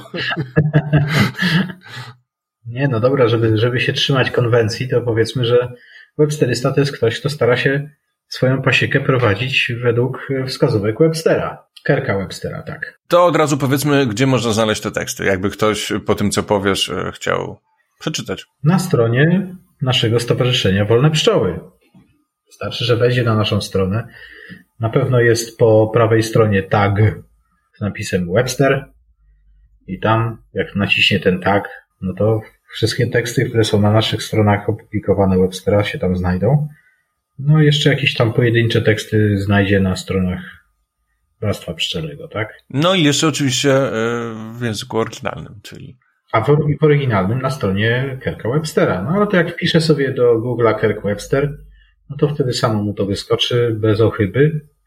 Może też znaleźć na YouTubie y, filmiki z nim, żeby zobaczyć jak wygląda Kirk Webster, jak wyglądał kiedyś, jak wygląda dziś, bo zdaje się, że jakiś filmik tam z zeszłego roku też się pojawił, więc całkiem aktualny. To już jest starszy pan. Myślę, że on tak jakoś już po 70 chyba jest, nie? No dobrze, to dlaczego jesteś websterystą? No to już właśnie wspomniałem chyba o tym wcześniej. Przetłumaczyłeś teksty, to wspomniałeś. Tak, ale, ale dlaczego ja je przetłumaczyłem? No, dlatego je przetłumaczyłem, że w książkach po polsku nie znalazłem e, takiego podejścia, mimo że Webster jest zawodowym pszczelarzem, czyli jest biznesmenem, jest rolnikiem, e, to nie znalazłem takiego podejścia do techniki pszczelarskiej głównie, do pszczelarstwa też w ogóle, jak zaprezentował właśnie on, tak? To mi się bardzo spodobało. Właśnie podejście całościowe, gdzie on każe postrzegać pasiekę jako całość, gdzie każdy jakby jej fragment może nam do czegoś posłużyć. On od początku jakby uczy, że pasieka powinna mieć przynajmniej trzy nogi, tak? Na, na dwóch ledwo stoi, na jednej raczej się przewróci. Natomiast jak będzie miała trzy nogi, będzie mogła trwać przez długi czas, dlatego że wydaje się, że najważniejszym założeniem jego techniki pszczelarskiej jest właśnie e, nie tylko samowystarczalność, ale też, żeby ta jego metoda pozwalała po prostu pasiece z roku na rok istnieć. W samowystarczalności chodzi o to, że nie musi dokupywać odkładów, nie musi dokupywać matek pszczeli. Tak. Nie wiem jak z węzą akurat jest. Ale... Nie no, Webster węzy produkuje sobie sam. Ule też sobie sam buduje. Y, to co kupuje, no to kupuje y, ramki. Także, bo stwierdził, że za dużo roboty z tym. A ramki prawdopodobnie są u nich bardzo tanie, więc skoro mu się opłaca, dlatego że on jest y, oszczędny aż do skąpstwa, dlatego że jakby no, z tekstów to wnioskuję, bo czytałem te jego teksty i wnioskuję z nich, że on wybrał życie, w którym pieniądze jakby służą wyłącznie do przeżycia. Tak? To znaczy on nie jest zainteresowany zarobieniem więcej pieniędzy niż tylko to, co jest niezbędnie potrzebne i że woli raczej oszczędzić pieniądze niż, niż więcej ich zarobić, tak? Raczej w tą stronę kieruje swoją życiową gospodarkę, swój budżet domowy. Także jest bardzo oszczędny i jego metody są z całą pewnością doskonale dopasowane do warunków gospodarczych, w których on gospodaruje. Natomiast y, ja staram się naśladować jego wskazówki w warunkach polskich. Różnie to wychodzi. No właśnie. Więcej porażek czy więcej sukcesów w tej materii u ciebie? Myślę, że jeszcze za wcześnie, żeby to mówić, nie? Jest, jest tak, że poza tym trzeba pamiętać, że ja z całą pewnością nie, nie robię tego dokładnie tak jak on, tak? Mój, moje zaangażowanie w to też jest zupełnie inne. To, w czym staram się go naśladować głównie, to są, to, to są pewne te podstawowe techniki, które wyniosłem właśnie kiedy się zafascynowałem jego tekstami i, i postanowiłem je przetłumaczyć, żeby, żeby inni też mogli sobie do nich sięgnąć. Czyli właśnie ta kwestia samowystarczalności polegająca na tym, że sami sobie robimy matki, y, sami sobie selekcjonujemy te pszczoły i staramy się być jak najbardziej samowystarczalni, bo wtedy pasieka, bo dokupić zawsze zdążymy, zawsze możemy to zrobić, tak? Jest y, kupa powielaczy i hodowców, którzy są gotowi nam sprzedać matki pszczele albo odkłady, albo coś. Zawsze możemy to zrobić. Nie? Natomiast y, sztuką, która mi się podoba, jest to, żeby moja pasieka trwała. Jeśli chodzi o sukcesy, no to tak jak dobrze wiesz, 50%. Ja może i dobrze wiem, ale chodzi o to, żeby słuchacze się dowiedzieli. Tak, no na razie, na razie nie mogę się pochwalić sukcesami. Cały czas jeszcze nie wiem y, dlaczego, ale znaczy sukcesami, w tym sensie, że, że, że moja pasieka nie nadaje się do, do sfilmowania i pokazania pięknych, czystych uli, w których pszczoły po prostu kwitną i jeżeli posłałem ich do, do zimy 60, to, to z zimy wychodzi 60. No tak nie jest. Na razie mogę się chwalić 50% przeżywalnością, co i tak uważam, że wobec czynności, które podejmuję wobec pszczół, wydaje mi się niezłym wynikiem. Nie ułatwiasz im specjalnie, tak? Aha, nie no, początki były trudne, tak? Bo z pierwszej zimy z, z 40 rodzin pszczelich wyszła jedna. Więc y, jeżeli wychodzi z nich połowa, no to możemy mówić o jakimś postępie ilościowym, tak? To znaczy przeżywalność rośnie. Mm, ale jest to trend zauważalny? No myślę, że tak. W ogóle pszczelarstwo pod tym względem mi się bardzo podoba, że ono jest bardzo, bardzo złożone i, i kiedy właśnie mówimy o tym, że nam się coś udało, to ktoś, kto rozumie, jak działa pasieka, wie, że sukces, na sukces pracuje się nieraz z rocznym wyprzedzeniem. Tak? Że jeżeli chcemy coś zrobić, chcemy sprawdzić, zrobić jakiś eksperyment albo uzyskać jakiś wynik, to, to, to nie jest decyzja z dnia na dzień. Tak? To jest e, coś, co postanowiliśmy sobie osiągnąć. Być może będziemy realizować przez lata, zanim nam się to uda. Tak, także, a może nam się to nie uda, tak? To już zależy, jakie cele sobie stawiamy. No, przykładowo przeżywalność, tak? No to u mnie była e, w ten sposób, że właśnie w pierwszym roku jedna rodzina pszczela przeżyła. Wtedy dokupiliśmy pszczół, rozmnożyliśmy, jeszcze robiliśmy to z bratem do spółki. Przeży... Do zimy poszło około też bodajże 60 rodzin pszczelich. E, wyszło nam z zimy 18, jakoś tak. E, wtedy też jeszcze dokupiłem.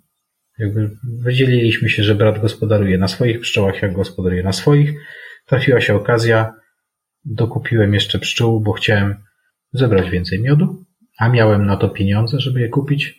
I rozmnożyłem się znowu do jakichś tam 60 i znowu, teraz już samodzielnie jakby uzyskałem wynik 22 rodziny pszczele bodajże wyszły z zimy, więc to było poniżej 50%.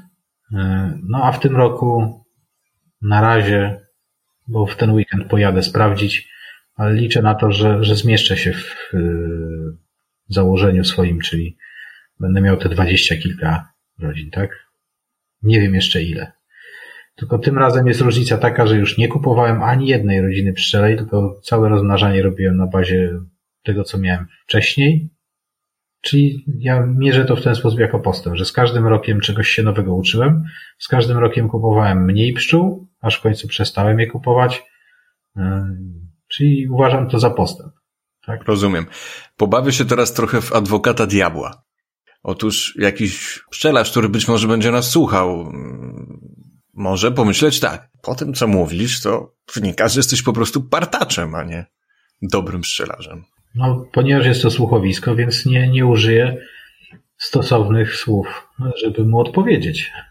Nie, no poza tym, wiesz, nie wiadomo, czy to powie głośniej, ale bo zdajesz sobie sprawę, że tak mówię w ciekawości, że, że wielu tak może pomyśleć. Nie, no to jest, to jest to podejście, tak, to jest to podejście właśnie closed source, tak? To jest to podejście closed source, yy, gdzie liczy się to, yy, jakby nie wiem, jakieś wskaźniki, które ta grupa ludzi sobie wybrała, że oni tymi właśnie wskaźnikami mierzą sukces. Natomiast yy, to, ile ja mam radości z pszczelarstwa, dla nich się nie liczy, tak? No i w sumie nie wiem, dlaczego miałoby się liczyć. To jest moja radość, a nie ich. Oni sobie myślą, że jestem partaczem. Niech sobie tak myślą. Szczerze powiedziawszy. Tak? To, czego ja się w tym czasie uczę i jak się bawię, to nie wiem, czy oni to mają. Tak? Oni, oni robią, widzą to jakoś inaczej, oni się bawią jakoś inaczej tym. Jest to, myślę, nieporównywalne, nie? Czyli o ile dobrze zrozumiałem, masz długofalowy cel i w którym mieszczą się raz wzloty, raz upadki. Tak. Z całą pewnością nie interesuje mnie wyłącznie sukces. Okej. Okay. Chciałoby się ten sukces od czasu do czasu odnieść, oczywiście. Tak, to nie będę tego ukrywał. Miałem bardzo poważne nadzieje w tym roku i jest tak, że wykonuję ciężką pracę umysłową, aby się przekonać, że mimo, że wynik liczony liczbami nie zgadza się z tym, co chciałem osiągnąć, to że i tak jest to sukces. Tak? Jestem w trakcie przekonywania się w tej sprawie. Mhm. No, mam nadzieję, że mi się uda.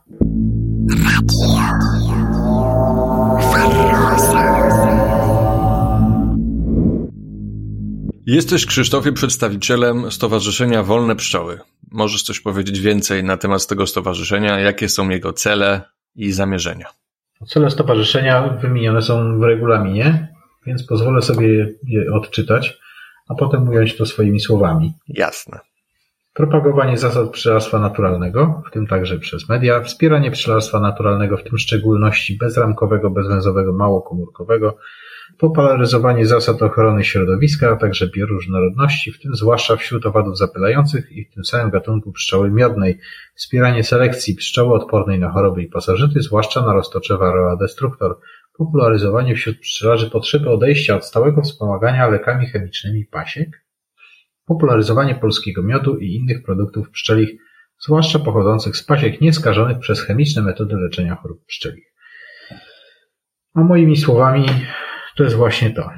Jedno to propagowanie tego, że najważniejszy jest fan, nasze propagowanie, w ogóle wspieranie takiego, takiego nastawienia, że najważniejsza jest zabawa w pszczelarstwie, skoro większość pszczelarzy to hobbyści, to nie, nie oszukujmy się, że chodzi nam o to, żebyśmy się dobrze bawili. Uważam, że nasza fascynacja wieloletnia tym tak zwanym pszczelarstwem naturalnym też zasługuje na wsparcie. Dzięki temu y, wszyscy bardzo wiele się nauczyliśmy. Przeryliśmy mnóstwo interesujących książek i prac naukowych i stoczyliśmy mnóstwo interesujących dyskusji i liczę na to, że jeszcze stoczymy, czyli że jest to doskonały interes, robimy, y, wspierając pszczelarstwo naturalne. Popularyzowanie zasad ochrony środowiska, no to i tak każdy uważa, że, że to jest słuszny cel, więc Oczywiście ludzie rozumieją to wszyscy po swojemu, tak? No tak, ale tutaj nie ma, e, nie jest narzucona jakaś konkretna droga. Jest to dosyć, e, jest to hasło otwarte. Bo właściwie trzeba by e, zacząć od tego, że do czego w ogóle służą stowarzyszenia, tak? Dlaczego w ogóle taka forma prawna doczekała się swojej ustawy i, i, i ma swoją ustawę, czyli jest zdefiniowana prawnie i przyznano w związku z tym pewne uprawnienia stowarzyszeniom, tak? Na przykład stowarzyszenia mogą zatrudniać ludzi, tak? Mimo, że, że stowarzyszenie może być tylko grupą pasjonatów po prostu i, i ono uzyskuje jakby możliwość zatrudnienia kogoś, podjęcia bardzo poważnej odpowiedzialności, tak? Myślę, że dlatego, że samo, samo stowarzyszanie się jest wartością i wcale nie musi być tak, że stowarzyszenie ma jakiś cel, który musi bardzo koniecznie osiągnąć. Nie? Tylko istotniejsze jest tym samo stowarzyszanie się i to, że spotykają się ludzie różni, mogą ze sobą dyskutować i uzyskują w ten sposób wspólną płaszczyznę, z której to z płaszczyzny czasem wynika jakieś pożyteczne działanie, ale ono wcale nie musi stale z tego wynikać, może wynikać tylko czasem. Uważam, że to jest najważniejsza wartość stowarzyszenia. I także naszego stowarzyszenia. Właśnie to, że jak wiele się nauczyliśmy przez te lata. Uważam, że to jest nasz największy sukces. Opublikowaliśmy mnóstwo ciekawych tekstów. Oczywiście nie ze wszystkimi po latach się zgadzamy. Tak? Mało tego, nie wszyscy wewnątrz stowarzyszenia zgadzają się ze wszystkimi. Tak, tak, ale właśnie jakby to jest wartość. Tak. To nie jest problem, to jest wartość. To jest, myślę, że, myślę, że czekają nas jeszcze całe pokolenia pracy nad tym, żeby to zrozumieć. Że to, że ludzie się ze sobą nie zgadzają na jakimś polu, nie oznacza, że się nie mogą zgodzić na jakimś innym polu.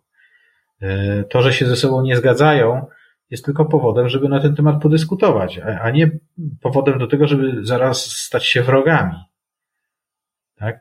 To są rzeczy, których musimy się po, po latach komuny uczyć na nowo po prostu. Więc samo stowarzyszenie jest wielką wartością, a to, że możemy się czasem spotkać, oczywiście nie tak jak w aktualnej sytuacji, dlatego że tutaj trzeba wspomnieć, że nasze nagranie odbywa się w okresie, kiedy trwa ogólnonarodowa kwarantanna i nawet gdybyśmy się chcieli spotkać, to byśmy nie mogli się spotkać i tak byśmy to robili właśnie w ten sposób. Właśnie, chociaż my prawdopodobnie moglibyśmy, jeśli umówilibyśmy się na pasiece, wiesz? Dlatego, że nawet dzisiaj opublikowałem krótkie ogłoszenie, nie wiem, czy go słuchałeś, trzyminutowe dosłownie, na, w podcaście Radio Waroza. E, przeczytałem streszczenie pewne, pewnego innego pszczelarza, zresztą któremu dziękuję, który wyłuskał najważniejsze informacje z tego rozporządzenia ministerstwa. No nie jest tak, że pszczelarz nie może jechać, wiesz, do swoich pszczół, tak jak niektórzy opisali na forum. Tak z tego nie wynika, z tego rozporządzenia przynajmniej.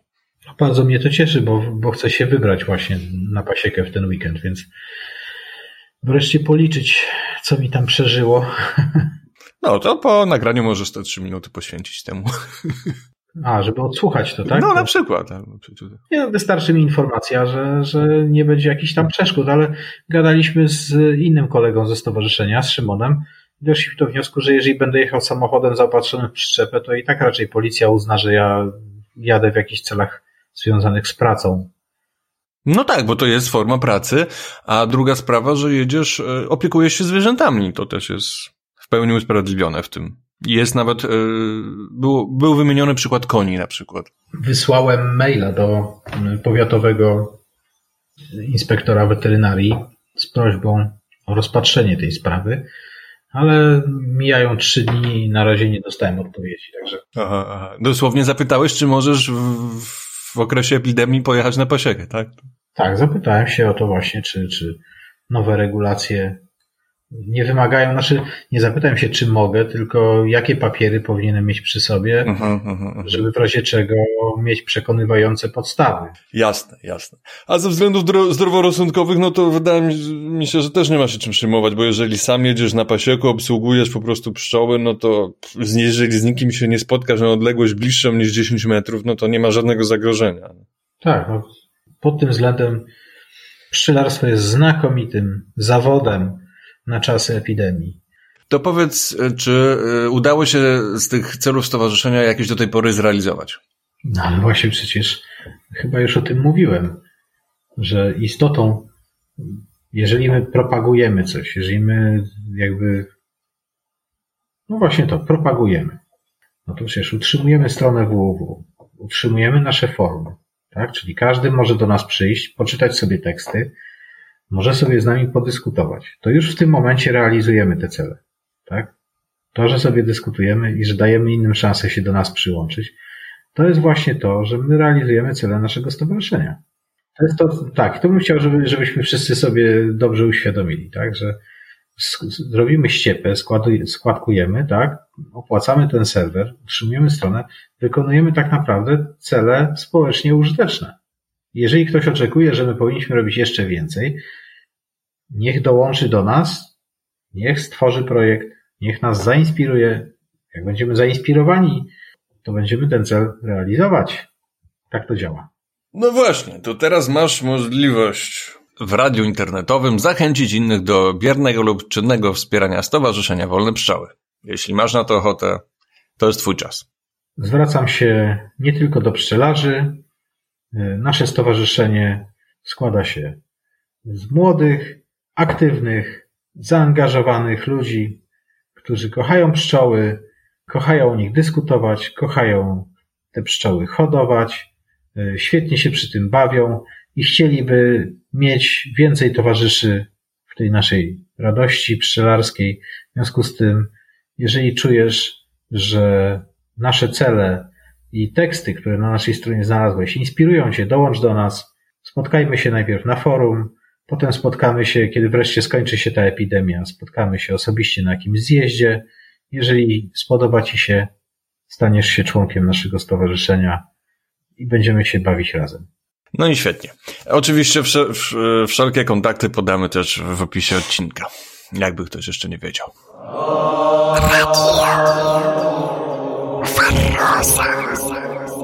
Już tak troszeczkę podsumowując, powiedz, e, jak zmieniło się twoje życie, odkąd zająłeś się pszczołami? Nie pytam tylko o, chociaż o to także, o kwestie techniczne, o kwestie czasowe, ale także o poglądy. Być może tutaj się coś zmieniło. Myślę, że na pewno się zmieniło. Zaczynając od spraw oczywistych, czyli że stając się pszczelarzem, automatycznie staje się obserwatorem pogody, oraz y, z pogodą związanych zjawisk przyrodniczych. dlatego że jest to y, ściśle połączone z moim zaangażowaniem w moją pasiekę, tak? To znaczy od pogody i od tych zjawisk przyrodniczych zależy, kiedy wykonam jakąś tam czynność. Przechodzimy do początku mojej przygody z pszczołami, kiedy ich jeszcze nie miałem i uznałem, że nie jest to dobry pomysł. Powiedzmy, że podchodzę do tego elastycznie, ale tak czy owak teraz już rozumiem dolę rolnika, że rolnik żyje zgodnie z rytmem roku i w sumie cieszę się bardzo z tego powodu, że moje życie również stało się trochę bardziej zgodne z rytmem pór roku, bo wychowawszy się w mieście, chyba tak naprawdę nie dostrzegałem tych rzeczy. A teraz je dostrzegam. Więc to niepomiernie mnie cieszy. A jeśli chodzi o jeszcze inne sprawy, zmiany, jeśli chodzi o zmiany poglądów, to myślę, że pszczelarstwo może dać też właśnie takie pogłębione spojrzenie na, na funkcjonowanie przyrody. Same pszczoły są bardzo inspirującym przyczynkiem do rozmyślań na temat y, funkcjonowania y, inteligencji, rozumu, umysłu, dlatego że rodzina pszczela może być postrzegana jako organizm. Zresztą nawet niektórzy mówią na to superorganizm, chociaż nie wiem, czy to nie zostało już jakoś tam naukowo obalone. Ale zachowuje się tak, jakby była jednym organizmem. Coś na ten temat wiem, wiem, więc jeśli chcesz, to mogę skomentować. Jak wygląda aktualny konsens naukowy względem tego? To jak wygląda? No, no więc 90, zdecydowana większość, jest bardzo duży konsens naukowy, mm, który odrzuca dobór grupowy i teorię superorganizmu. Myślę, że to jest jakieś 99%. Głównym przedstawicielem y, naukowca wybitnego, który do tego wrócił po latach, bo ta teoria była bardzo popularna w pierwszej połowie XX wieku, zanim jeszcze ekologia weszła w taki nurt bardziej ścisły, obserwacyjno-eksperymentalny, jest, nie pamiętam teraz imienia, ale Wilson, który między innymi napisał książkę Społeczeństwo owadów. Większość życia badał mrówki i mm, jest też prekursorem socjobiologii. E, I on wrócił do tego poglądu. Nie czytałem tej książki, ta książka kosztuje 600 e, zł na Amazonie, więc na razie mnie nie stać. E, I ma swoich uczniów oczywiście, więc no jest kilku co najmniej biologów, którzy łamią ten konsens naukowy, wśród nich najbardziej znano Wilson. Tak się to przedstawia. Aha, znaczy konsens naukowy uważa, że, że nie ma czegoś takiego jak superorganizm.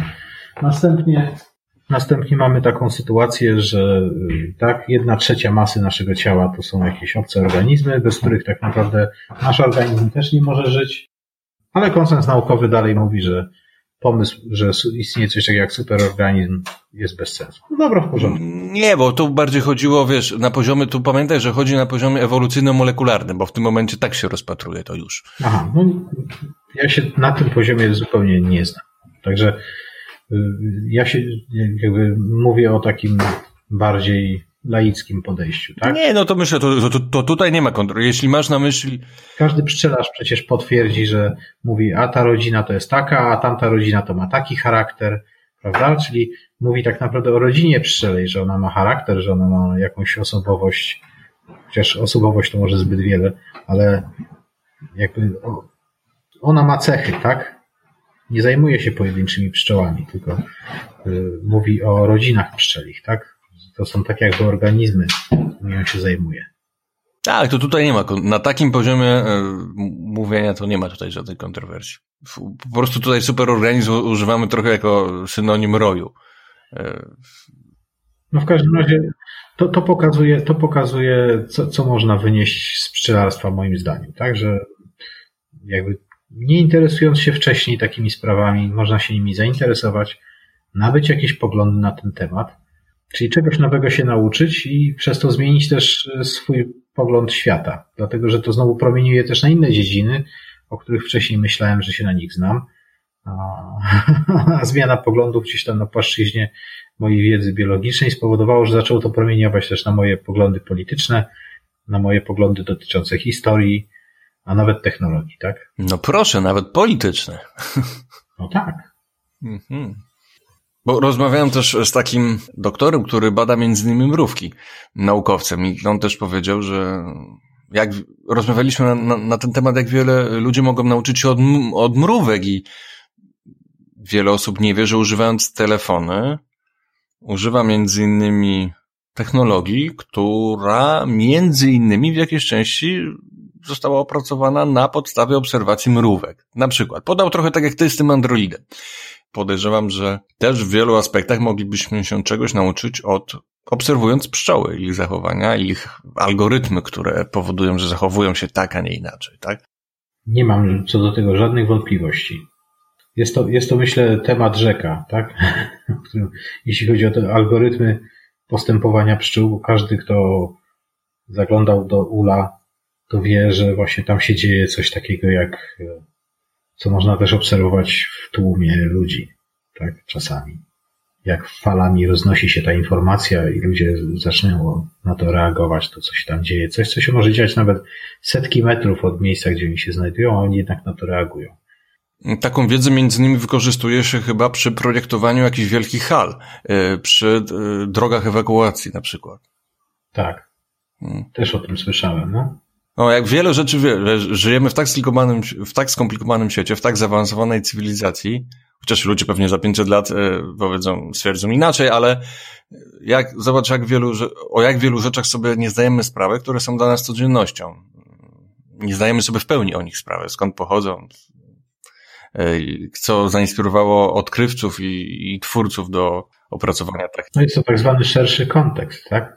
Jakby nie wiem, gdzie można tą cezurę postawić, ale na pewno z początkiem XX wieku postęp naukowo-techniczny spowodował, że już e, jeden człowiek nie był w stanie nawet otrzeć się o zrozumienie całokształtu, tak, e, cywilizacji ludzkiej na płaszczyźnie materialnej, więc, y, a minęło już od tej pory 100 lat, tak? Ponad 100 lat, więc postęp jakiś się w tym czasie dokonywał i poziom skomplikowania właśnie tego środowiska technologicznego też, nie tylko tego środowiska naturalnego, osiągnął taki poziom, że y, myślę, że dla umysłów niektórych ludzi może być całkowicie satysfakcjonujące niewychodzenie już nawet z tego środowiska technologicznego, bo ilość bodźców, która przychodzi z niego jest tak ogromna, że już nie ma potrzeby nawet iść do parku, nie?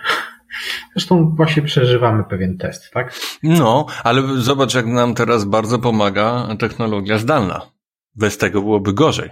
No, oczywiście.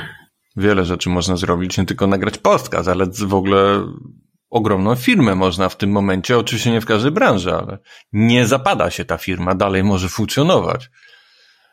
No tak, to jakby mówię, to jest, to jest temat na, na osobną dyskusję niezwiązaną z pszczelarstwem, nie? Ale... Jasne. Ale to też świadczy o tym, jak wiele dygresji można zrobić, e, wychodząc tylko od. E, od pszczelarstwa. Tak, tylko, tylko od biologii rodziny pszczelej, albo tylko od pszczelarstwa, czyli rolniczej współpracy e, z pszczołami. Tak, to jest to właśnie, co mi się najbardziej podoba w pszczelarstwie. To, co ci się najbardziej podoba? To jest właśnie to. To jest to. Jak wiele różnych rozmyślań przychodzi do człowieka, dlatego że się tym właśnie zajmuje. Mm.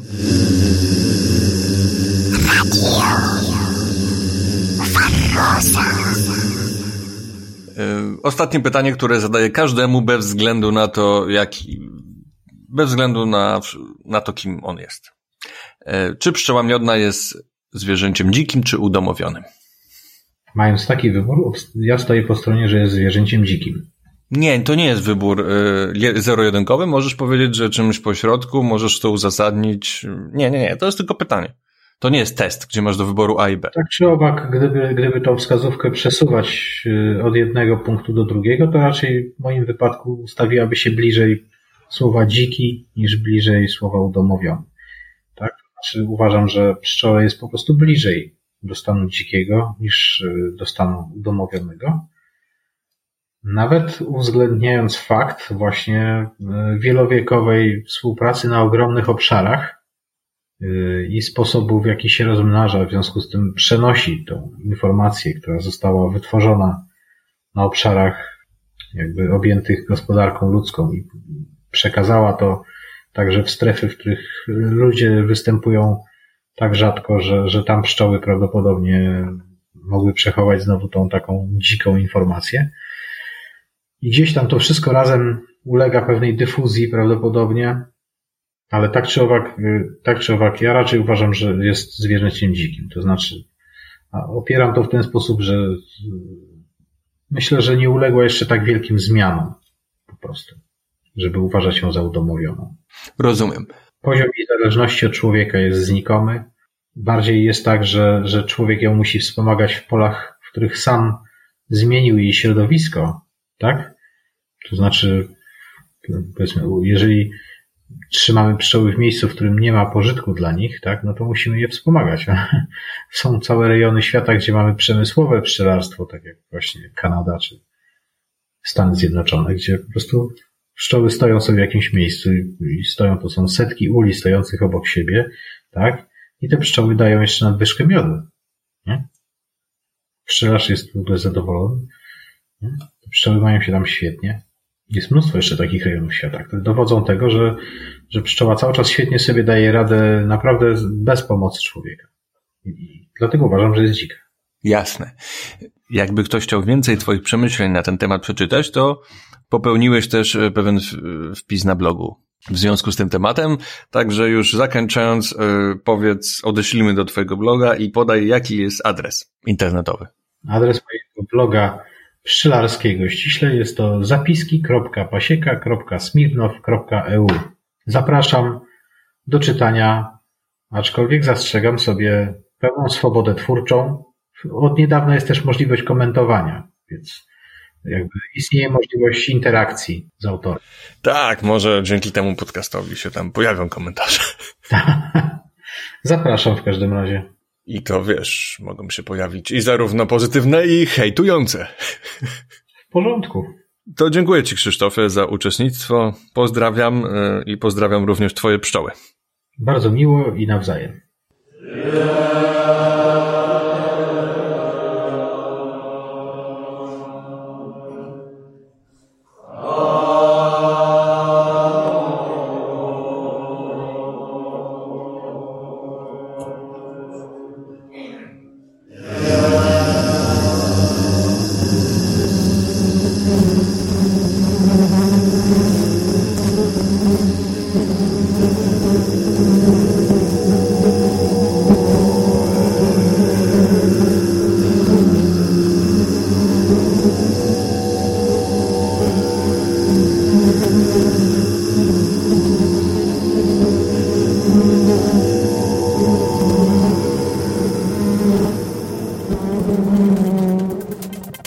Zajrzyj na stronę www.waroza.pl.